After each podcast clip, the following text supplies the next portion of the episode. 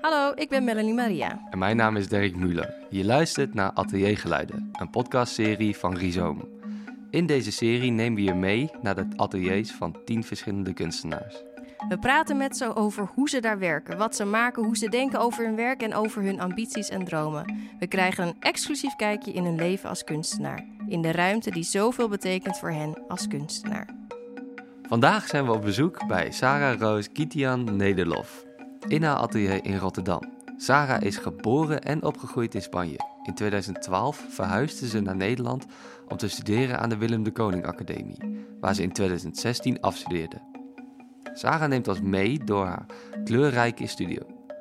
Ze vertelde over haar residentie in Zuid-Spanje en de overgang in haar werk van stilstaande beelden naar performance en video.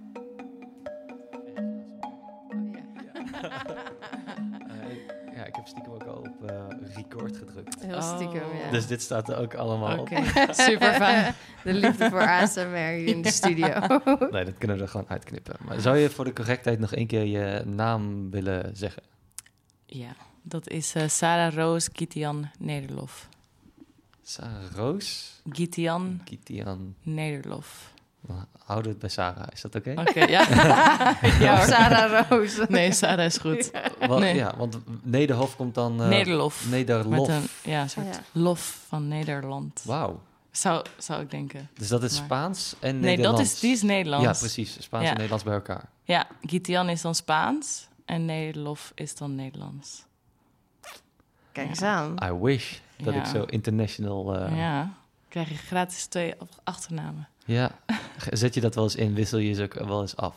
Ehm, nee, ik gebruik altijd gewoon eh, mijn voornaam. Of Sarah Roos Kitian Nederlof. Dus Volledig. ook in, ja, volledig. En vaak bij tentoonstellingen ehm, vraag ik ook of het dus volledig kan. Daar maak je dus een beetje ja, een soort onderscheid dat je toch een soort twee achtergronden hebt. Dus- Dat vind je belangrijk, dat, eh, dat men dat weet? Of... Ehm, ja, ik denk dat het gewoon... Ja, het is gewoon mijn identiteit. Ja. En dat is officieel in Spanje heeft iedereen twee achternamen. Dus officieel heb ik dus twee achternamen. Ja. Dus ik speel niet vals. nee, In dat opzicht. Ja. Ja. want je komt uit eh, Spanje, Sarah, en we zitten hier eh, in je atelier. Eh, ik zag ook al wat Spaanse teksten voorbij komen. Wanneer ben je hier in Nederland eh, gekomen? Ehm, ik ben hier in 2012 naartoe verhuisd eh, om te studeren aan de academie. En eh, ja, ik had eigenlijk nooit bedacht dat ik naar Nederland zou gaan. Mijn moeder die is wel Nederlands, eh, maar die sprak met mij in het Nederlands. Maar ja, dat is gewoon een beetje een soort babytaal. Ehm, en toen kwam ik hierheen om te studeren, omdat ik dus eigenlijk ook zin had in een nieuw avontuur. Dus even gewoon op mezelf. Ehm, en ik woon er dus dit jaar in Rotterdam al tien jaar. Wauw. Ja, dus... eh, Niet meer weggegaan, of nou ja, teruggegaan naar nee, Spanje. ja, eh, de liefde. De liefde voor de kunst en de liefde daaromheen. Ja, dat, eh, ja, ik was afgestudeerd en toen zou ik dus teruggaan naar Madrid. En toen heb ik mijn vriend ontmoet. Dus eh, ja, afwegingen. En eh, wat, je, je familie, je moeder, die woont wel nog in eh, Spanje? Ja, mijn ouders en mijn broer die wonen dus in Spanje. En ik heb dan eh, van mijn moeders kant eh, in Nederland familie wonen. Ja. En wat vindt zij ervan dat jij dan, ja, haar roots wel aan het herbeleven bent? eh, in die Eh, zin, wellicht. Ja, ik denk dat ze dat. Ik denk dat ze dat nooit had verwacht. En ik denk dat ik daardoor dus ook eh, nooit het heb leren, echt leren schrijven of lezen. Mhm. Omdat het gewoon meer een soort ja, voertaal was. Maar niet echt.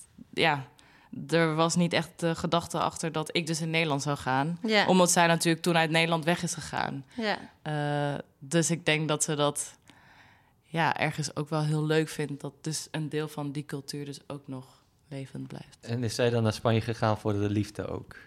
Eh, nee, maar ze heeft die daar wel gevonden. Aha. Ze is daar voor werk gegaan. Ah, oké. En eh dat is uiteindelijk gebleven.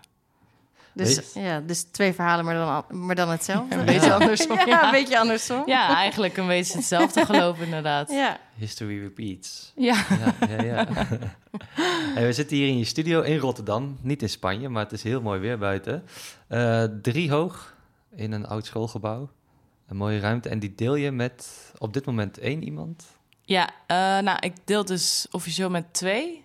Uh, met Lana Message en Lorena van Bunningen. Alleen Lorena die is dus duidelijk even een soort residency in Den Haag aan het doen. Dus momenteel met Lana Message. En dat geeft iets meer ruimte voor jouw eigen, jouw eigen werk, vertelde je net. Ja. Um, want ik wil wel even kijken naar wat hier uh, allemaal te zien is. Er, er, lijkt een soort van expo te zijn in een, uh, in een heel kleine ruimte. Want daar hangen allemaal tasjes en plastic ja, hoe noem je dit? Netjes? Fruitnetjes. Fruitnetjes, ja, fruit- en groentenetjes. Um, doet me heel erg denken aan de markt. Ja, die, komen, die tasjes komen daar ook vandaan. en is dat ook wat je verbindt met Madrid, met Spanje? Um, nou, het is niet zo directe verbinding. Uh, ik vind het grappig dat je inderdaad zegt dat het lijkt alsof een kleine expo is. Ik vind het... Uh, ja, ik hoor wel eens dat het... Uh, um, ja, dat mensen inderdaad denken van... oh, je hebt hier een soort bewegende tentoonstelling. Omdat ik heel vaak um, dingen van de muur verplaats. En uh, nu ik dus wat meer ruimte heb in mijn studio... heb ik, het, heb ik dus inderdaad um, al mijn verzamelingen opgehangen. Omdat ik het... Uh, ik vind het gewoon fijn als ik er naar kan kijken. Want uh, daarvoor had ik dus al die plastic tasjes dus gewoon in de la. In die lades daar. En dan ja, dan zie je ze niet. Dus dan bestaan ze ook niet. Uh, en nu dat ik ze dus elke dag zie, kan ik er dus ook actiever mee uh, werken. Um, maar het heeft dus geen actieve link met Spanje.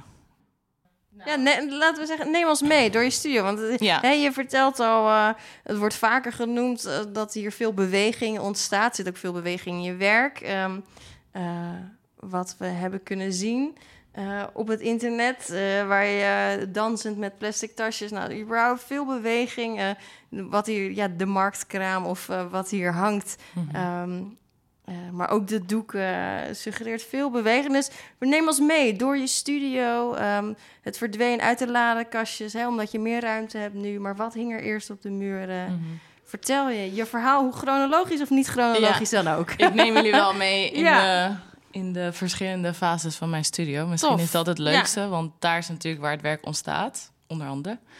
Um, nou ja, voor mij is gewoon mijn studio uh, een plek waar ik me uh, heel veilig in voel. Waar ik dus uh, het gevoel heb dat ik echt mijn wereld kan creëren. En dat alles wat in mijn wereld dus bestaat, dat het er mag zijn.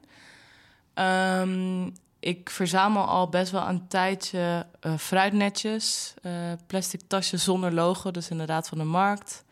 Uh, ook bijvoorbeeld servetten. Um, ja, verschillende objecten die. Ik ben me eigenlijk in eerste instantie aangetrokken door de kleur of het materiaal.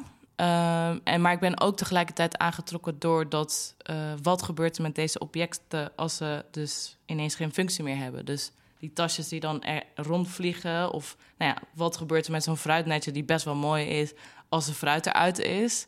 Um, ik denk dan ook na van zullen die mensen de combinaties, dus nadenken over de combinaties van, oh, we doen een roze netje bij uh, Mineola's. Uh, ik, vraag me dan dat soort dingen allemaal af. Um, dus eigenlijk uh, in de loop van de tijd ging ik dus al, ja, heb ik dus die dingen verzameld en gezien de beperkte van de ruimte, ging ik het dus allemaal in de lades bewaren. Als een soort ja, archeologisch onderzoek, een beetje. Het is een soort uh, ja, contemporary archaeology. Dus wat vertellen die uh, objecten eigenlijk over onze cultuur en over ons? Uh, en ik denk dat daar dus misschien ook een beetje een link ligt met Spanje. Van hoe kan dus een object iets vertellen over een cultuur? Um, en ja, wat ik dus net zei ook, uh, ik vind het dus heel fijn om uh, dingen te zien. Want ik, ja, ik uh, fotografeer dus ook met een analoge camera. En dat doe ik op een hele observerende manier. Dus ik ga over straat en dan dingen die heel veel mensen niet zouden opvallen. Bijvoorbeeld een mandarijnenschil of een ja, kapotte vaas of nou ja, noem het maar op. Uh, dat leg ik dan vast met mijn analoge camera op een soort registrerende manier. Dus het gaat niet per se om de techniek achter de foto, maar meer het, die ontmoeting tussen mij en dat wat ik gevonden heb. Um, en dan, uh, ja, die print ik dan uit en die, die verdeel ik dan over de muur. En dan zie ik dat er dus uh, van verschillende dingen dus nieuwe relaties ontstaan. Dus eh, ja, een foto van een uh, mandarijnenschil en dan ineens een, een tas, gekleurde tas. En dan ineens een takje die ik ergens heb gevonden. De, en zo ja, komt er dus een soort nieuwe wereld uit. En ik heb dus eigenlijk ehm, mijn studie een beetje verdeeld. Want ik heb dus een uh, deur die ik heb gevonden als tafel. Op twee schagen, schragen, ja. um, en dan links van mij, uh, ja, ik zit dus in een zolder. Dus de uh, muur is schuin. Dus ik zit echt in een soort nisje. Uh, en dan links van mij heb ik dus eigenlijk voornamelijk allemaal notities. En mijn notities uh, zijn gedachten die ik dan los van bijvoorbeeld de foto's die ik maak of de dingen die ik verzamel schrijf. Um, en ik schrijf ze dus in het Nederlands, ook al kan ik het niet heel goed schrijven, maar ja, ik woon hier al tien jaar. In het Spaans en in het Engels. Uh, en ja, die schrijf ik dan in een boekje op en dan af en toe haal ik er wat dingen uit en dan plak ik het dus op de muur. Kun je er uh, een aantal voorlezen? Uh, Want wat voor notities zijn dat dan? Ja hoor. um, even kijken. Nou, de notities die er nu zijn, um, zijn eigenlijk een mengeling van een onderzoek die ik aan het afronden ben, waar ik dus met een plastic tas in het landschap dans, in het Spaanse landschap. En notities van een project die ik dus wil uitvoeren. Dus die is nog niet uitgevoerd. Dus dit zijn dan de pre-previews of de VIP-inzicht. ja, dit zijn de insights yes. als je bij een kunstenaar uh, in de studio um, komt. Nou, um, even kijken. Er is één zo simpel als material culture. Want dat is, ja, da daar gaat dus eigenlijk mijn werk over. Of ja, al die dingen die ik verzamel, dat is dus deel van de uh, materiële cultuur. En ik, ja, ik wist nooit echt dat dat dus ook echt een naam heeft en zo. Um, daarna uh, staat er ook in het Spaans. Um, ik zal het even vertalen. Uh, de angst om niet gevonden te zijn is de reden waarom iedereen met elkaar uh, verbonden is. Of eigenlijk was dat iets wat ik schreef omdat ik ineens dacht: ja, iedereen zit dus zo heel erg online. En is dat, zijn we eigenlijk zo erg online omdat we bang zijn dat we uh, anders niet gezien worden. Of ja, dat we dus ja, dat het leven ons voorbij gaat. Um, een andere is, en dat is dus van het nieuw onderzoek. Uh, can a rapper become my new home? Dus eigenlijk gaat, is de vraag over kunnen, kan ik van een verpakking een soort nieuw thuis maken? Dus een soort gevoel van thuis. Um, dus ja, um, het zijn hele verschillende uh, notities. Sommige zijn dus echt heel uh, persoonlijk, dus van een persoonlijk gevoel. Anderen zijn dus echt um, ja, meer theoretisch, dus zoals die materiële cultuur. Is een andere... En, en hangen die daar dan omdat het dan even uit je hoofd moet? Hè? Je zegt, sommige schrijf ik in een boekje eerst, maar, zeg maar wat is dat? Ja, is dit gewoon een soort van, oké, je bent aan het werk hier en af en toe kijk ik daarna om herinnerd te worden? Of is het... Ja, het, het werkt inderdaad als een herinnering, want... Um, verderop in het hoekje zie je allemaal uh, A5 zwarte uh, boekjes. Die uh, zijn allemaal volgeschreven, eigenlijk sinds 2016, iets eerder. ik vind het een heel fijn formaat en dat boekje heb ik dus altijd bij me. En daar schrijf ik gewoon in. maar wat ik dus heb heel vaak, is dat ik inderdaad als het in het boekje zit, dan kan ik het dus niet zien. Dus dan voor ja. mij bestaat het dan niet. Of dan ben ik, word ik er niet aan herinnerd. Dus het is Aha, inderdaad een ja. soort herinnering aan mezelf. Ja. Um, wat zou nu relevant kunnen zijn met ja, hetgene waar ik mee bezig ben. Um, ja, dus dat is. Uh, er zitten ook wat foto's tussen. Uh, wat uh, screenshots van mij in het landschap met plastic tasjes. Omdat ik nu dat filmpje aan het editen ben. Um, en ja, verder heb ik dus, uh, ja, dus verschillende dingen aan de muur. Um, een rood met wit gestreepte marktasje. Um, wat foto's die ik in Spanje heb gemaakt. Um, bijvoorbeeld van een uh, ja, metalen witte stoel. En ja, je zou kunnen denken, wat is die stoel? Uh, maar dat, ja, voor mij heeft dat natuurlijk heel veel betekenis. Want ik was een paar jaar geleden was ik dus naar uh, het noorden van Spanje gegaan. Want daar komt dus oorspronkelijk mijn familie vandaan uit Spanje. En we hebben dus een wijngaarden, die dus Gitian heet. Ehm, en ik was dus voor het eerst eh, daar op de Bonavoy op bezoek. Ehm, en die stoel is dus van een van de, mijn tantes.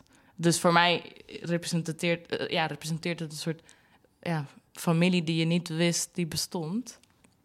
Ehm, En gebruik je zo'n foto, is dat dan inspiratie of is dat ook een soort van ja, huiselijke sfeer bijna neerzetten in je studio? Ehm, ja, nee, niet per se een huiselijke sfeer. Ehm, ik denk dat, ja, wat ik dus eigenlijk net zei, is dat mijn studio dus in verschillende delen is. Eh, of ik, de muren zijn in verschillende delen verdeeld. Dus die schuine muur, daar zitten eigenlijk mijn notities. Ik denk dat het komt omdat dat ook de meer verborgen plek is. En dat is toch echt het meest persoonlijke. Want dat is van het notitieboek naar de muur, zonder dat het bewerkt is. Dus voordat het dus bewijs van online komt. En dan die muur ernaast, dus eigenlijk waar ik met mijn rug naartoe zit. Dat is eigenlijk een beetje een soort verzameling van dingen die ik denk, hier moet ik iets mee, hier heb ik al iets mee gedaan. Uh, dus weer mezelf herinneren, Ja. herinneren aan hier wil je nog iets mee doen. Dus ik wil nog een onderzoeksreis doen naar dus dat dorp waar die familie vandaan komt, uh, van die wijngaarden. Uh, dus het is eigenlijk een beetje een soort, ja, je zou het kunnen zeggen, een visuele mindmap van wat er te komen gaat, uh, maar wat nog helemaal geen vorm heeft gekregen. En dan uh, ja, zijn er een paar foto's uh, ingelijst. En daarop leg ik dus steentjes. Uh, want die verzamel ik dus ook. en dan weet ik natuurlijk niet wat ik met al die dingen moet. Dus dan zet ik het gewoon op de houten lijsten. Um, ja, dus het zou ook kunnen, eruit kunnen zien als een soort tentoonstelling. Ja, ja en tentoonstelling van wat er om jou heen gebeurt en wat om jou heen zwerft eigenlijk. Ja, en um, ik denk dat of nou ja, ik denk niet, ik weet, voor mij representeren deze dingen, of die maken mij bewust van mijn positie op een bepaalde plek. Of ja, van een bepaald moment in tijd op een bepaalde plek. En wat gebeurt er op dat moment? En um, ja, heel veel van die registratiefoto's die gebeurden ook omdat ik toch weet dat, dat die bepaalde situatie die ik dan tegen ben gekomen uiteindelijk gaan verdwijnen. Dus wat ik bijvoorbeeld net zei over mandarijnenschil, die is er waarschijnlijk de dag daarna niet meer. Of die ziet er dan anders uit. Um, dus voor mij, door dit soort dingen vast te leggen, heb ik ook een manier om ja, tijd vast te houden. Ja, je bevriest het, uh, de gebeurtenis, ja. de gedachte. Ja. En dat kan niet meer bewegen. En wanneer, kom, wanneer komt er dan weer uh, beweging? Of komt, komt er überhaupt weer beweging in die gedachten? Um, ja, dat is dus eigenlijk um, vorig jaar gebeurd. Uh, nee, nu al bijna twee jaar. Ja, eigenlijk sinds de pandemie. de pandemie heeft eigenlijk de beweging in mijn werk eigenlijk gebracht. Omdat ik dus tot tot dat moment vooral heel erg uh, ja, op een soort uh, voyeuristische manier uh, fotografeerde. En ik verzamelde wel, maar alles wat ik deed was eigenlijk heel erg um, stil. Ik wilde niet opvallen, omdat ik me ook denk ik gewoon een beetje schaamde. Dat ik dacht, ja, wat zullen die mensen, of nou, die mensen, wat zullen de mensen denken als ik dan over straat ga? Ja, en dan een. Um, iets wat iemand heeft achtergelaten, bewijzen van een uh, paars, paars zakdoekje heeft achtergelaten. Ja. En ik leg dat dan vast, ja, wat zal de ander ervan denken? Dus ik denk dat ik me gewoon een beetje schaamde uh, dat iemand me zou betrappen, omdat ik dus nog niet zo goed wist wat dit allemaal betekende ja. en waarom ik dat eigenlijk deed. Dus vandaar dat ik dus ook heel veel verzamelde en het misschien ook allemaal maar in laden stopte, omdat ik door die confrontatie dus nog niet wilde. Uh, maar ik, dus, ik merkte dus dat uh, toen de pandemie kwam, uh, dat ineens ook ons. Um, door de pandemie merkte ik dat ik een soort behoefte ontwikkelde om meer met mijn handen te gaan werken, omdat ineens ja, het begrip afstand ook heel anders werd. je mocht andere mensen, of nou ja, je mocht niet, maar ja, ineens de ander, de onbekende, ja, dat was echt een, soort. Um, ja, dat kon je. Uh, gewoon helemaal vervreemd. Ben, ja, gewoon, we, werden, we werden vervreemd. Ja, je, van, ja, van, je wordt dus. Um, fysiek Gaat- een soort ja. van weggehouden. Ja. Ja, wordt gewaarschuwd bijna als je te dichtbij Ja, precies. kwam. Er, er was een soort, eh, echt een soort fysieke afstand tussen mensen. eh, ook tussen objecten. Ja. Ineens ging je naar de supermarkt, was alles vies. Of kon alles ineens Ja. vies zijn. eh, ineens werd je heel Moest erg... je je eigen tasjes, plastic Ja. tasjes meenemen. Nou ja, werd je heel erg bewust van eh, alle, ineens alle objecten om je heen. eh, ook de ander mens. En ik merkte, en dat is misschien dan mijn Spaanse deel, dat ja, in de Spaanse cultuur zijn mensen gewoon heel erg gewend. het is een hele aanrakerige cultuur. Dus vaak ja, doet iemand een hand op je schouder om je te laten weten dat het goed, dat het goed is. Of er is gewoon veel meer gebruik van de handen. En ik denk dat ik nooit zo bewust was van dat gemist. Dat ineens ja, de ander, of zelfs je vrienden, ja, die ging je dan niet omhelzen, want ja, het mag niet. Of in de supermarkt, ja, ga je wel die verpakking optillen, want ja, misschien is die ook besmet. En toen ontstond er dus een eh, behoefte vanuit mij om eh, dus met mijn handen te gaan werken. Ehm, en daar, nou ja, ik heb dus ook een tijdje mandarijnenschillen eh, gemaakt van gips. Ehm, omdat ik dus ja, gewoon bezig daarmee wilde zijn. En toen ontstond er dus ook eh, per toeval eh, het gevoel dat ik iets met al die verzamelde tasjes moest doen. Ehm, want die lagen dus allemaal opgestapeld in een la. En toen, ja, in een van die dagen, ja, het hele sociale leven was natuurlijk weg. Dus je had gewoon alle dagen in je studie, je had alle ruimte om na te denken. Eh, dus toen deed ik een van die lades open en ik, het, wat er in me opkwam was... Wat zielig dat ze allemaal hier opgestapeld zijn in het donker. ik vond het... Ik, ik- ja, Maria Kondo eh achter de opruim vibes. ja, ik dacht ineens... Ja, zo'n plastic zak, eh, ja, tasje is eigenlijk zo mooi als het dus vliegt. Ja, je hebt natuurlijk die filmscène van American Beauty... waar ze dus heel lang een plastic tasje volgen. Eh, daar hebben heel veel mensen naar gerefereerd. Maar ja, ik, voor mij was het beeld meer van... er is een markt in Rotterdam... Einde van de dag vliegen al die tasjes alle kanten op. Eh, ja, het is één grote kleurfestijn. Dus dat beeld kwam in mij op. En toen dacht ik, ja, eigenlijk... eh, het voelde bijna oneerlijk om die dus zo opgesloten te hebben. Omdat ik dacht, ja, eigenlijk zijn ze het mooist als ze bewegen. Ehm, en toen een van de dagen dat ik dus alleen in mijn studio was... had ik er een paar uitgepakt uit de la. En toen ging ik er eh, mee dansen. Toen ging ik gewoon met mijn handen eh, die beweging proberen na te doen...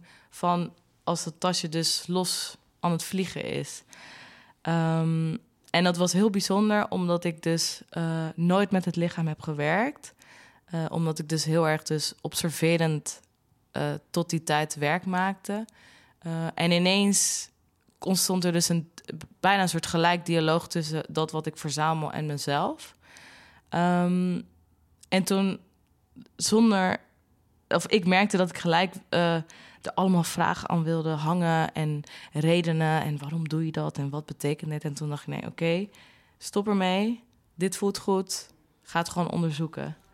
En dat gewoon doen. En het gewoon Ja. doen. Ja. En het gewoon eh, echt op een intuïtieve manier dit nieuwe onderzoek eh, aan te gaan. Mm. Want ehm, ik, was bijna, ik dacht bijna dat je zou refereren aan, eh, aan iets anders wat we hier zien in de, in de studio. Maar je, je bedoelde iets wat we eigenlijk niet kunnen zien. Eh, wellicht online. dat jij beweegt met de tasjes. Ehm, maar is het altijd om te gaan naar de kleine sculpturen? Of Ja. skip ik dan te veel? Nee, nee, het, ik eh, kan er een goede link bij eh, leggen. Heel goed. Heel goed, want in het atelier staat ook een, eh, een soort van tafel. Een, nou, ik zou bijna zeggen dat het een tentoonstellingstafel is. Ehm, eh, maar het ziet er ook een beetje uit als een werktafel.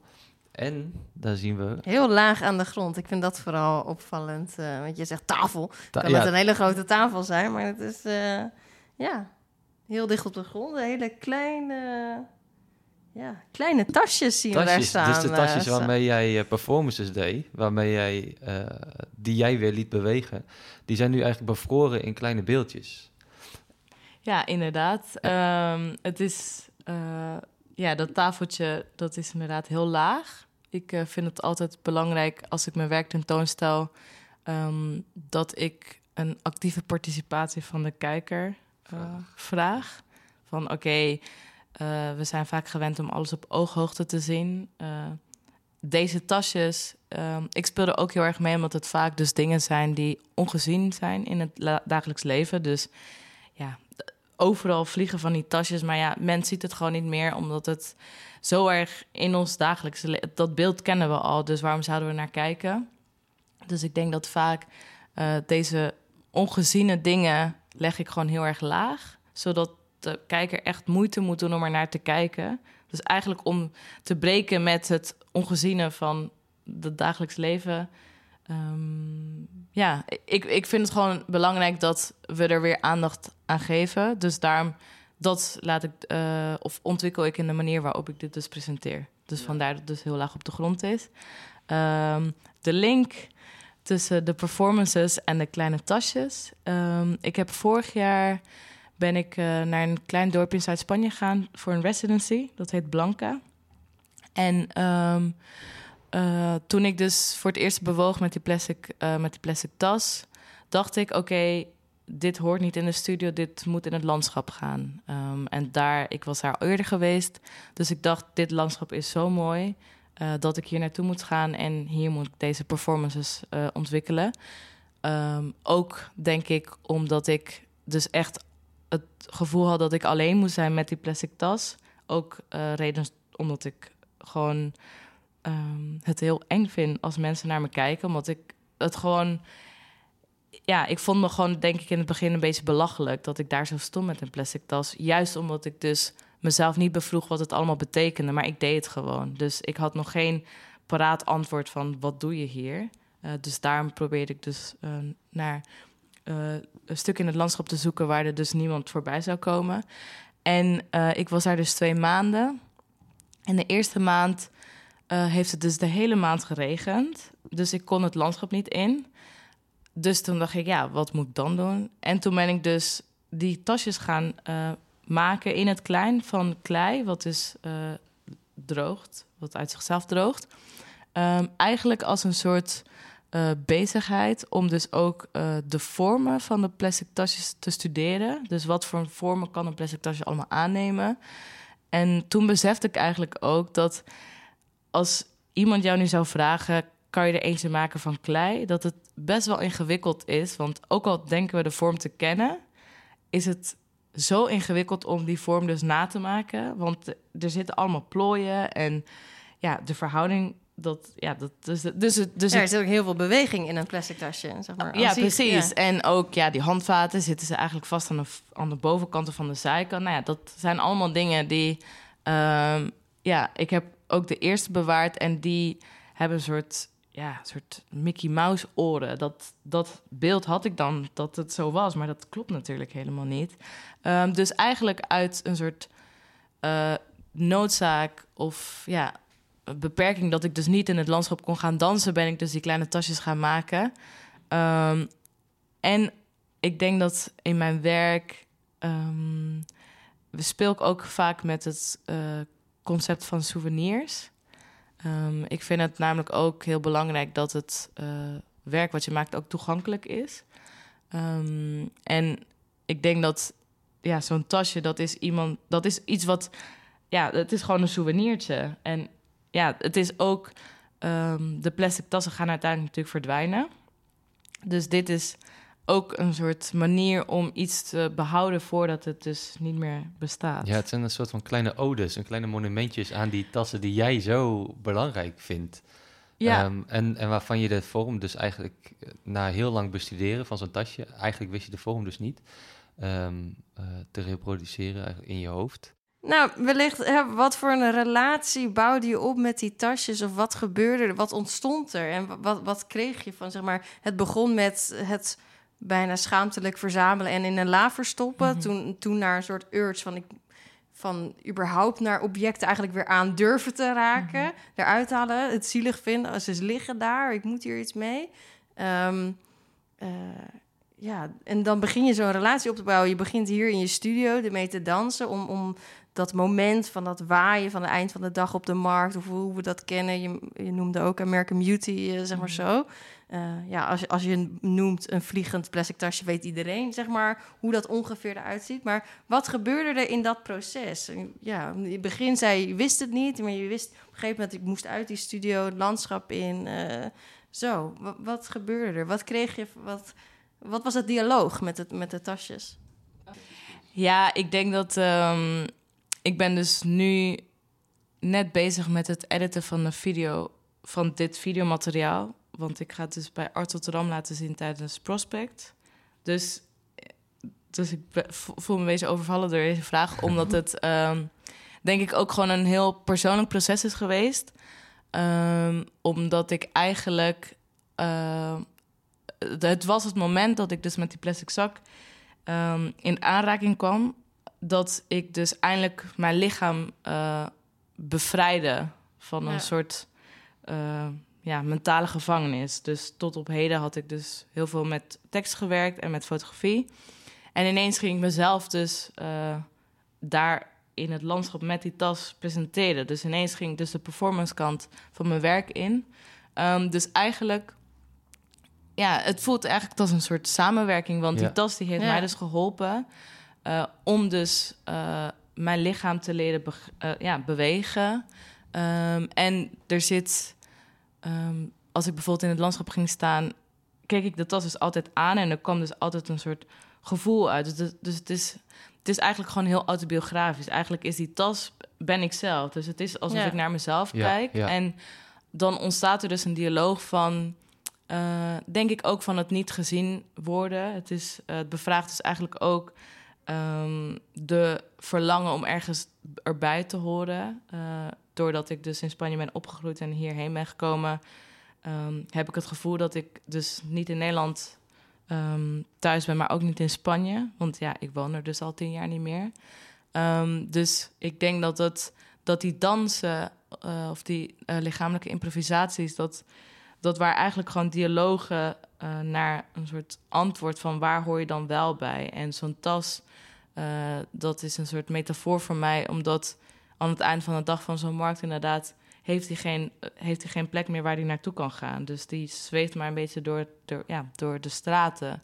Ehm, en ik voel me soms ook zo. Ik voel ook soms dat ik gewoon een beetje rondzweef, niet zo goed weet waar ik naartoe ga, wat doe ik hier. Ehm, dus in dat opzicht, ja, waar was het gewoon een match. Steun en toeverlaat. ja. En ik denk dat ehm, dat, dat ook eh, de reden was waarom ik dus eh, indirect dus ook die tasjes daarna in het klein ben gaan maken als een soort dankbaarheid Ja. dat eh, voor die tas. Een voor het- souvenir van dat moment, van jullie ja. samen in, Ja. in dat opzicht. Ja, een soort, eh, ja, wat jij net zei, inderdaad, een soort, ook een ode inderdaad naar die tas. En eh, ja, toch even een moment van, eh, ja, aandacht naar iets wat daarna eh, vergeten gaat. Ik denk ook aan die stenen. Je vertelde net dat je ook stenen eh, verzamelt Ja. en die hebben diezelfde waarde. Dus die, die, die ja, die rollen ook over de aarde en die worden ook overal meegenomen en weer losgelaten. maar alleen die zijn veel minder flexibel, veel minder Mhm. dynamisch. Ehm, maar dat is meer een observatie dan een vraag. ja, maar het is, ik denk dat het inderdaad, ehm, en ik denk dat daardoor de verschillende elementen in mijn studio wel goed met elkaar werken, omdat het dus toch uiteindelijk allemaal dingen zijn die ergens een beetje aan het zwerven zijn. En eh, nu zitten we in je studio en zijn we helemaal niet aan het zwerven, want het is Ja. best een, eh, een mooie en vaste plek ook voor jou. Mm, voel je ook dat het je, ehm, dat het die twijfel over waar je bij hoort of eh, waar je wil zijn of waar je bent überhaupt, eh, dat dat die twijfel wegneemt? Is dit echt een huis voor jou, eh, je studio? Ehm, ja, ik denk dat dit wel ehm, echt de plek is waar ik volledig mezelf probeer te zijn. Omdat ook ehm, ja, alle gedachten die ik heb of alle dingen waar ik mee zit of waar ik dan, wat ik dan denk over mijn werk, dat schrijf ik dan ook uit. En dat toon ik hier ook. Dus, ik, dus alle onzekerheden of alle dingen waar je dan over twijfelt of waar je dan niet zo goed weet waar het naartoe gaat, alle tasjes die mislukt zijn, alles bij elkaar mag hier allemaal zijn. Dus het is inderdaad voor mij een plek waar ik eh, voel en eraan werk, dat oordeel gewoon heel ver weg blijft. dus dat, ehm, ja, het is ook denk ik een, iets wat ik, uh, waar ik heel actief vorig jaar aan heb gewerkt. Dat ik mezelf niet ging oordelen door het niet te weten wat het ging worden. Omdat je, ehm, ja, ik voelde lichamelijk dat het gewoon klopte. Um, dus ik denk dat dat voor mij ook mijn studio is. Gewoon een plek waar alles een reden heeft en dat alles mag bestaan. Um, alles mag bestaan en alles heeft een reden. uh, en uit je verhaal uh, komt ook heel erg naar voren dat jij de auteur bent. Want jij bent bijvoorbeeld weer degene die een tasje aan de hand pakt en uh, die beweging in dat tasje brengt, terwijl je dat eerder op straat zag. Um, jij bent degene die de tasjes verborgen hield, maar ook dus weer aan het licht bracht. Zie je dat zelf ook in je werk, dat jij de auteur bent um, en het materiaal altijd dienstbaar moet zijn aan jou? Um, ja, ik denk dat ik toch altijd het. Ik vind het gewoon interessant om te spelen met welke narratieven kan ik hier allemaal aan verbinden. Dus ja, je observeert en dan hou ik het natuurlijk vast. Dus ik neem het bewijzen van mee. Uh, maar dan vind ik dus ook dat ik er... Ja, ik heb het dus meegenomen, maar dan moet ik dus ook iets teruggeven. Ja. En um, ik denk dat... Um, ja, ik, ik, ik, denk dat juist al die dagelijkse objecten... Uh, die een bepaalde uh, betekenis al hebben... dat die voor mij gewoon heel uh, mooi zijn om die bijvoorbeeld een nieuwe betekenis te geven. Dus ja. op die manier breng ik dus een nieuwe laag, een nieuwe kijk. Ja. Ook een beetje een soort persoonlijke eigenschappen naar objecten ja. die ja, gewoon um, ja, inanimate zijn. Ja, dus die... ja want ik zei net auteur, maar volgens mij bedoel ik regisseur. omdat je ook regisseert hoe de kijker naar jouw werk kijkt uiteindelijk kan beslissen om dat op ooghoogte te presenteren, maar je kiest ervoor om ook daarin te sturen naar, de, naar hoe de kijker het werk ervaart. En je vertelde over een film. Ben je, ben je daar zelf, uh, zelf mee bezig of heb ik dat nou helemaal mis? Die video waar ik nu mee bezig ben, um, dat zijn, nou ja, wat ik dus uh, eerder zei, ik heb vorig jaar uiteindelijk vijf maanden in dat dorp gewoond. Eerst twee maanden, waarvan dus één alleen maar heeft geregend. En daarna in de winter drie maanden. En daar um, ging ik dus elke keer op zoek naar een landschap uh, die zou passen bij uh, de performance of de improvisatie eigenlijk, want het is geïmproviseerd. Um, en wat ik dus deed, ik had mijn camera op een statief. Nou ja, die zette ik gewoon ergens en ik ging gewoon uh, ja, naar, dus, naar de plek waar ik dus ging uh, improviseren. Um, en daar heb ik gewoon heel veel filmmateriaal van, omdat ik dus uh, in dat dorp ook verschillende plastic tasjes verzamelde van de markt. Dus nou, ik had een soort een roze, een soort kauwgomkleur roze, um, een lichtblauwe, een donkerblauwe, een lichtgroene, een ja, soort mintgroen, een uh, flesgroen kleur. Dus heel veel verschillende kleuren. En elke kleur uh, is ook een, was ook een verschillende emotie en had ook dus een verschillende landschap als achtergrond. Um, dus wat ik nu aan het doen ben, is ja, soort verschillende, ja, die verschillende momenten bij elkaar editen. Dus dat het een soort, ja, een soort verhaallijn is van verschillende gevoelens, verschillende verhalen zonder uh, echt verbale narratief. Dus echt alleen maar met beweging. Um. Cool, ik ben heel benieuwd. Wat me vooral opvalt in hoe het beschrijft, elke kleur en emotie, maar eigenlijk ook al vanaf het moment dat we hier binnenstappen, zijn er veel, echt in je werkruimte is, zijn het veel neutrale kleuren, zachte kleuren, maar de tasjes, hoe je ze in het kleine bij hebt hangen en veel felle kleuren. Zeg maar, kan je beschrijven waar, dat, waar die voorliefde... Um, of dat interesse... Want de heel, daarachterin zie ik ook wat, wat transparante plastic tasjes... maar die lijken toch iets wat meer weggemoffeld. ja, die hangen toch achteraan. En ja, eigenlijk als je het noemt plastic tasje... denk ik eigenlijk vrij snel aan een transparant plastic tasje.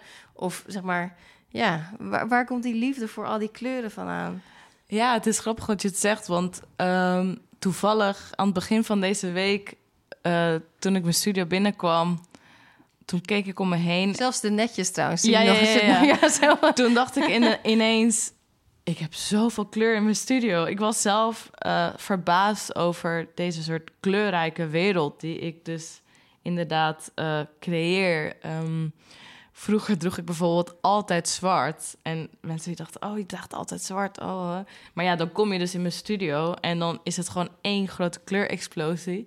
Um, ja, ik weet eigenlijk niet zo goed waar die, uh, ja, die felle kleurenfascinatie vandaan komt. Ik denk dat ik gewoon, ja, het echt...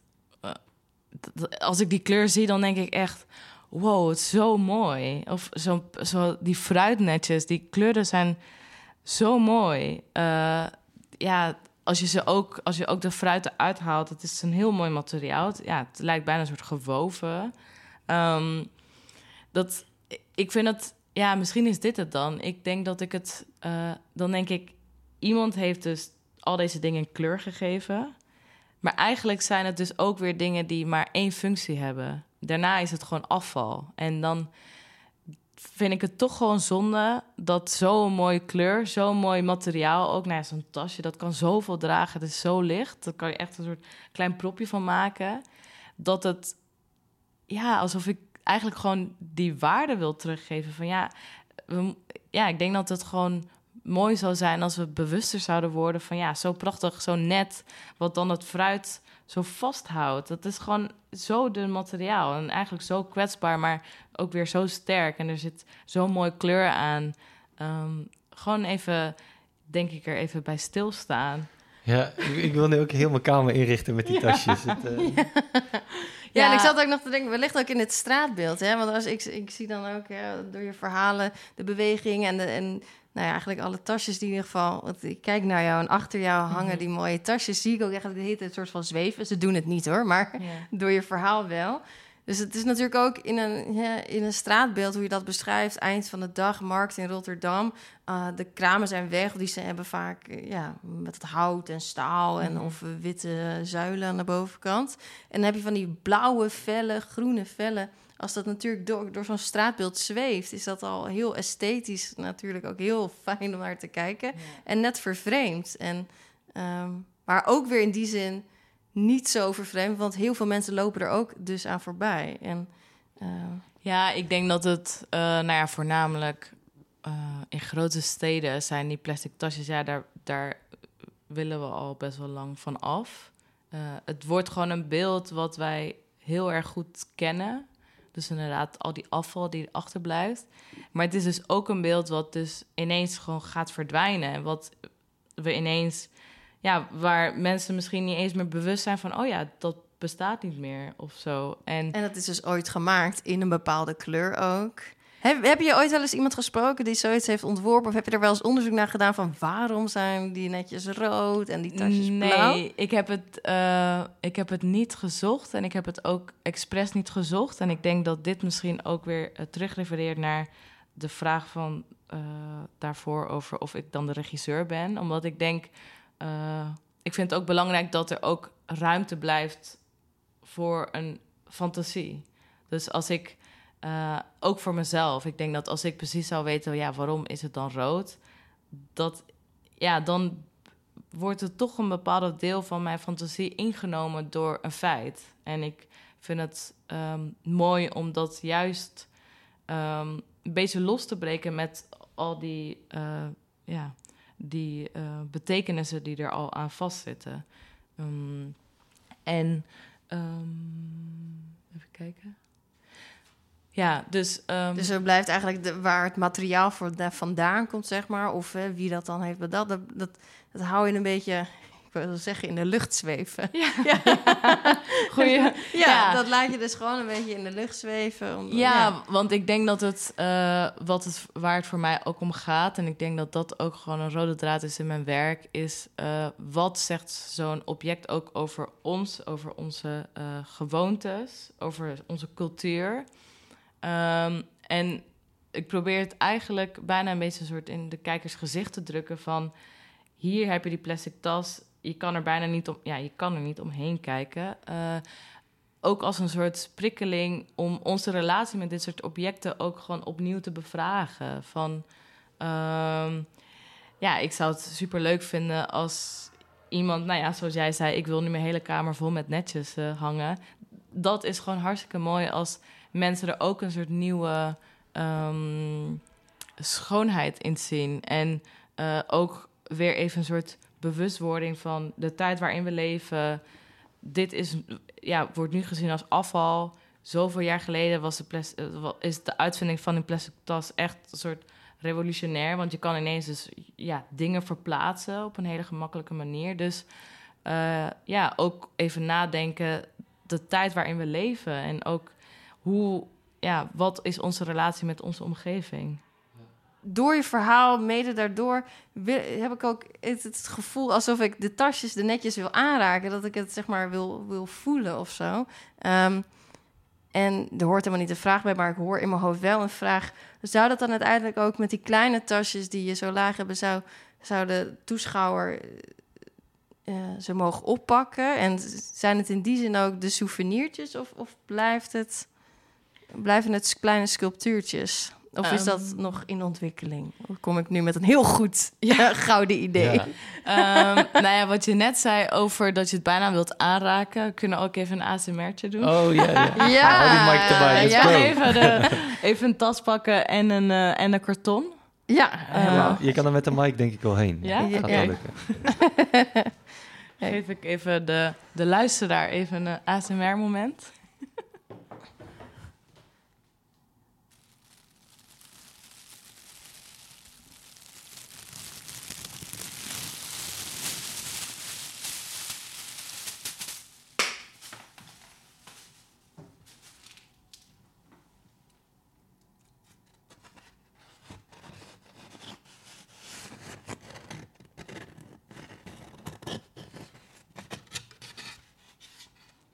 Nou, dit was dus de uh, paarse karton. en een uh, uh, wit met groen gestreepte tasje van de markt. Um, er is zoveel leven in, in zo'n, zeg maar. Oh, ja, ja ik, ik, denk dat ik... Um, ja, inderdaad, het hangt nu hier allemaal aan touwen. Alsof, ja, alsof bijna alsof je het allemaal kan kopen. Dus het, ziet er bijna uit alsof dit een soort marktstand uh, uh, is. Um, en wat ik dus, ja, dat eigenlijk dat nieuwe onderzoek uh, met de vraag die ik daarvoor stelde over of een verpakking mijn nieuwe thuis kan zijn. Daarin probeer ik dus te kijken wat is de um, beweging van deze objecten. Dus een, een tas is inderdaad uh, veel, uh, ja, veel mobieler. Er zit echt die beweging in. Maar zo'n karton dat is best wel statisch. Hoe kan je daar dus de beweging in terugkrijgen? Um, en dan met betrekking tot die uh, kleine kleitasjes. Ik vind het heel leuk als mensen het optillen. Um, toen ik het op de grond had tentoongesteld, het werd een soort landschap, omdat er, het waren een stuk of dertig. Ze waren iets meer uit elkaar, sommige waren bij elkaar. Um, en ik denk dat het.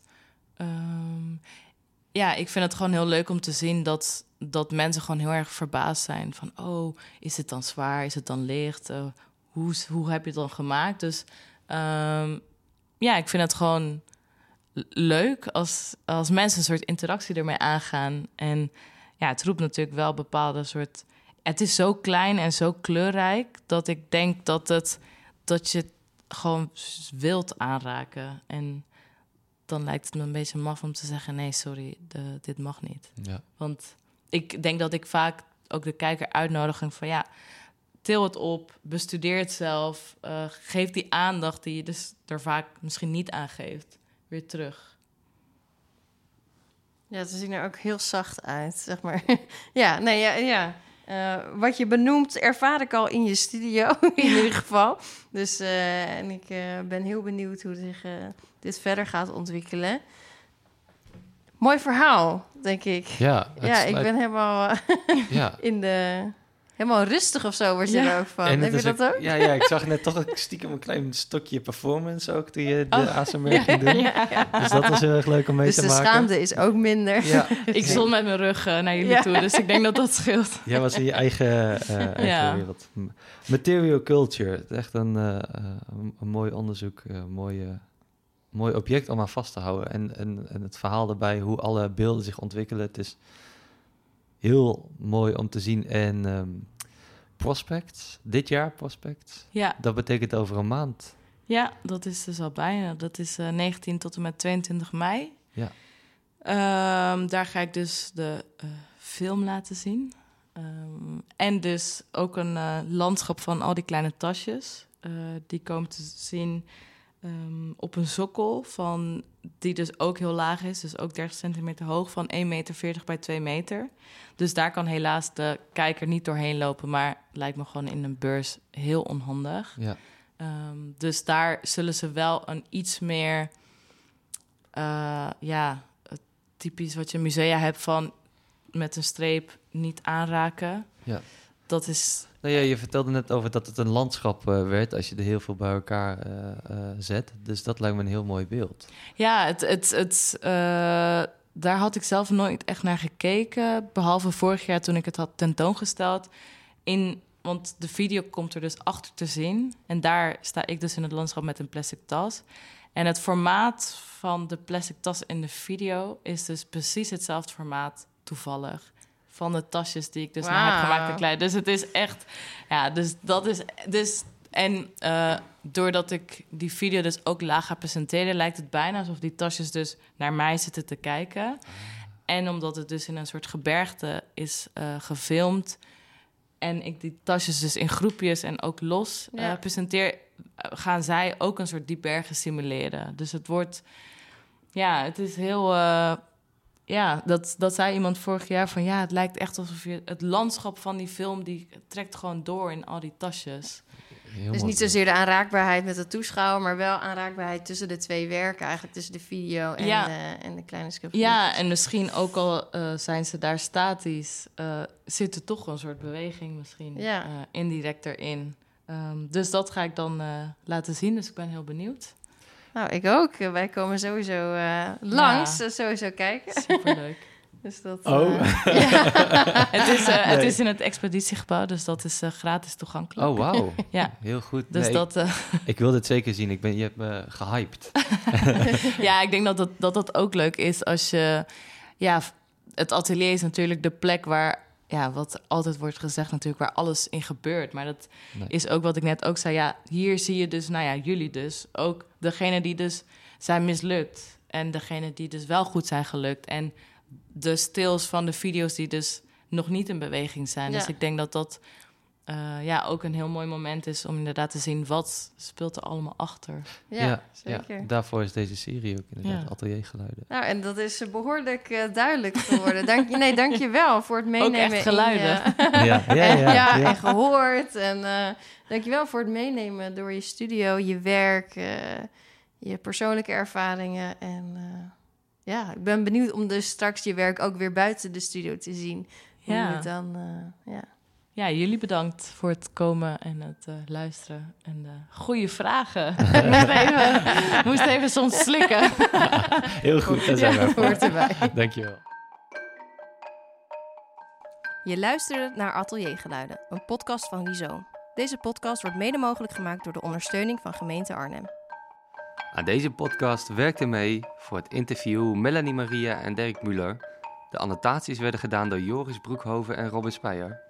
De montage, het mixen en het masteren door James de Jong, Jascha Mostert. De in- en outro muziek is van Annabel Schouten. En de cover-illustratie werd gemaakt door Gemma Oosterhof. Voor meer informatie over Rhizoom ga je naar rhizoom.art. En als je deze podcast leuk vond, laat dan een beoordeling achter in je podcast-app.